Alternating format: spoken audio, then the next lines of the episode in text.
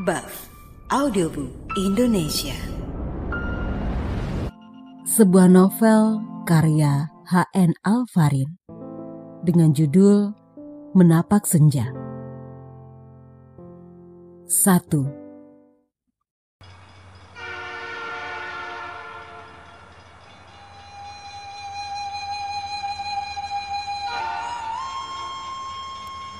Ida menatap pintu depan stasiun. Menimbang-nimbang kembali niatnya untuk bergabung menjadi relawan Palang Merah Indonesia. Stasiun Bukit Tinggi hari ini lebih ramai dari biasanya. Bahkan lebih ramai lagi dari hari pakan. Ida melangkah hati-hati, menyeberangi rel. Tampak sebuah sepur yang mengepulkan asap di ujung stasiun. Dan beberapa gerbong terparkir di seberang bangunan stasiun. Gadis berkulit kuning langsat itu mengendarkan pandangannya. Dia melihat beberapa keluarga yang memeluk anak gadis yang usianya mungkin masih sekitar 18 atau 19 tahun. Sebagian mereka tampak terisak memeluk anak perempuannya. Ida berusaha menembus keramaian di pintu depan stasiun mendekati meja dengan antrian panjang. Dia mencolek perempuan yang terakhir berada di antrian. Uni, ini antrian untuk relawan PMI kah? Tanyanya. Iya, mau ikut jadi relawan juga. Tanya sang perempuan itu sambil tersenyum ramah. Iya Uni. Saya Mai Saroh, panggil saja Mai. Lanjut perempuan tersebut sambil mengulurkan tangan. Oh iya, saya Rosida. Panggil Ida saja. Ida membalas jabatan itu dengan sedikit canggung dan menyambut tangan Mai untuk menyalaminya. Kita saling panggil nama saja. Tampaknya kita seumuran. iya, sepertinya begitu. Ida bukanlah tipe perempuan yang gampang bertegur sapa dengan orang lain sering kali dia dicap sombong karena lebih memilih banyak diam daripada menegur orang lain terlebih dahulu. Kecuali kalau keadaannya terdesak seperti saat ini. Gadis berumur 21 tahun itu berusaha mengalahkan segala keengganannya bertemu orang baru. Demi meninggalkan rumahnya yang dianggapnya seperti neraka dunia. Ida anak pertama dari dua bersaudara adiknya perempuan bernama Rostini. Tini panggilannya. Lebih muda dari Ida tiga tahun. Perawakan keduanya yang berbeda. Membuat perlakuan orang sekitar terhadap mereka juga berbeda. Ida berperawakan pendek dengan tubuh sintal. Rambut keriting dengan kulit kuning langsat.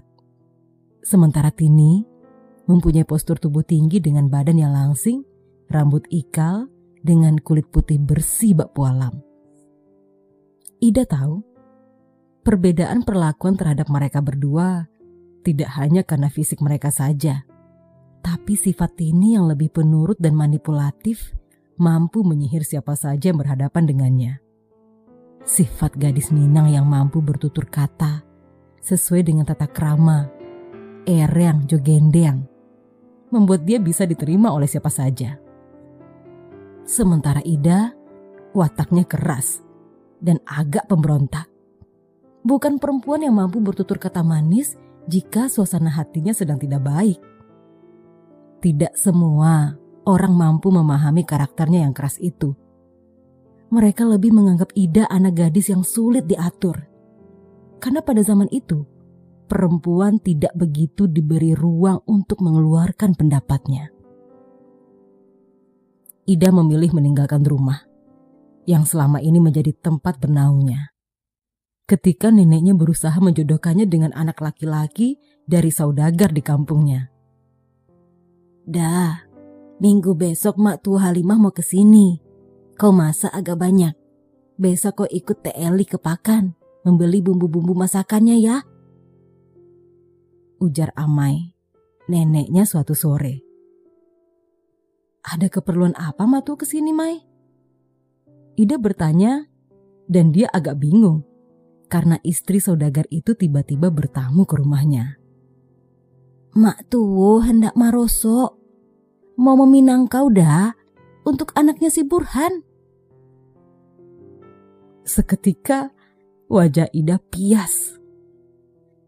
Tapi Mai, Ame kan tahu si Burhan itu suka main perempuan. Tiap hari kerjanya menyambung ayam. Kenapa Ame tega sekali menjodohkan aku dengan Burhan? Suara Ida mulai meninggi. Ida mendengar anak laki-laki saudagar tersebut terkenal suka main perempuan, suka berjudi, dan juga kasar.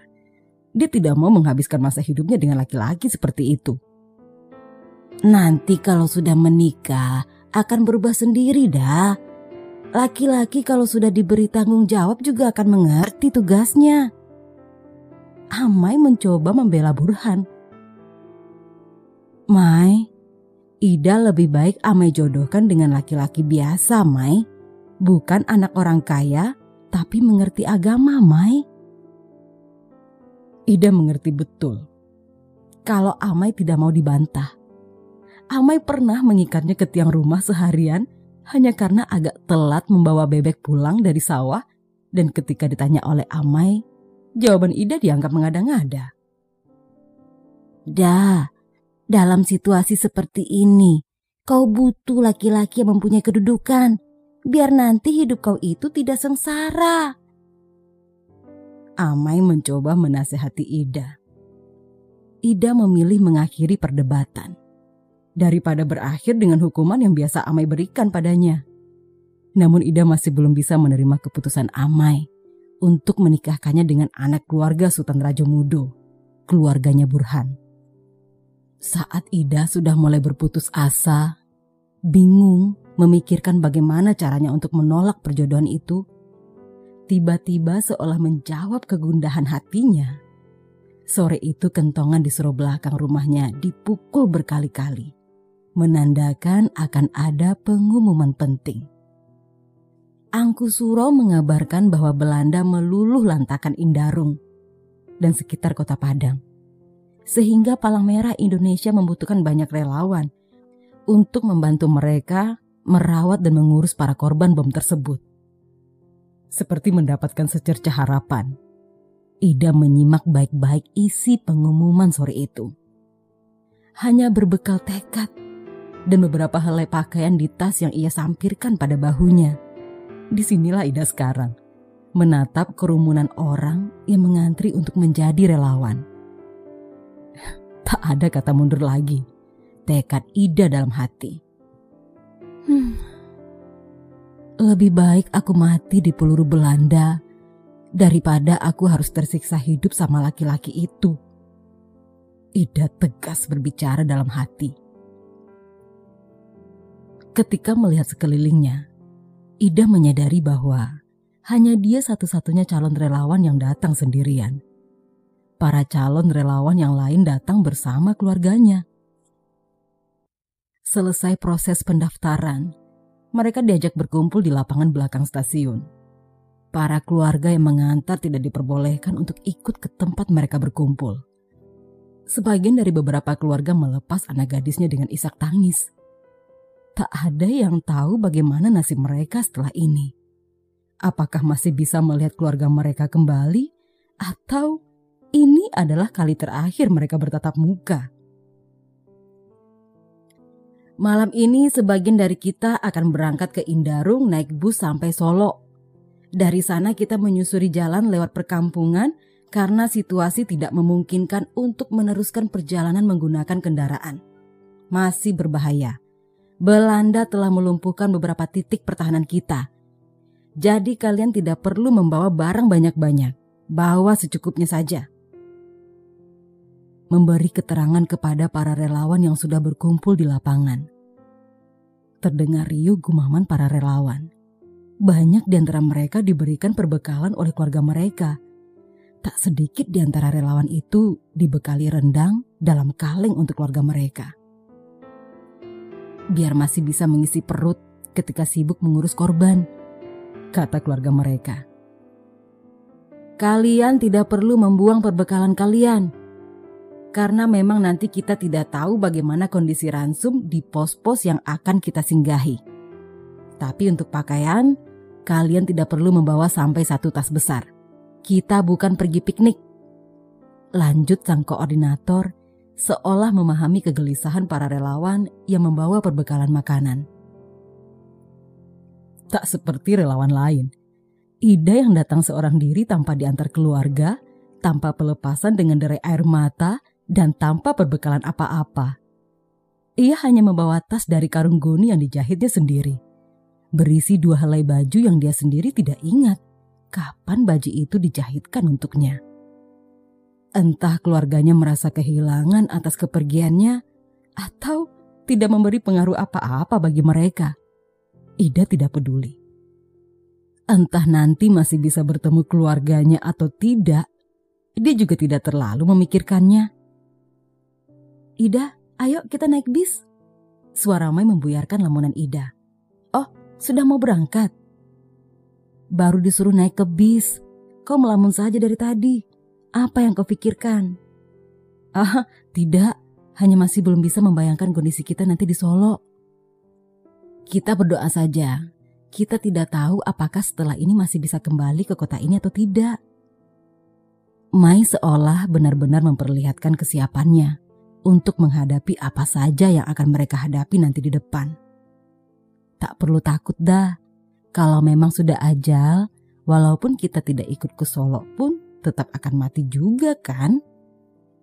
Iya, aku tak takut mati, Mai. Dengan mendaftar jadi relawan ini, aku juga sudah siap dengan segala resikonya. Balas Ida tersenyum tipis. Nah, ayo kita masuk ke bis biar nanti masih ada bangku yang kosong buat kita berdua. Ajak Mai menggandeng tangan Ida.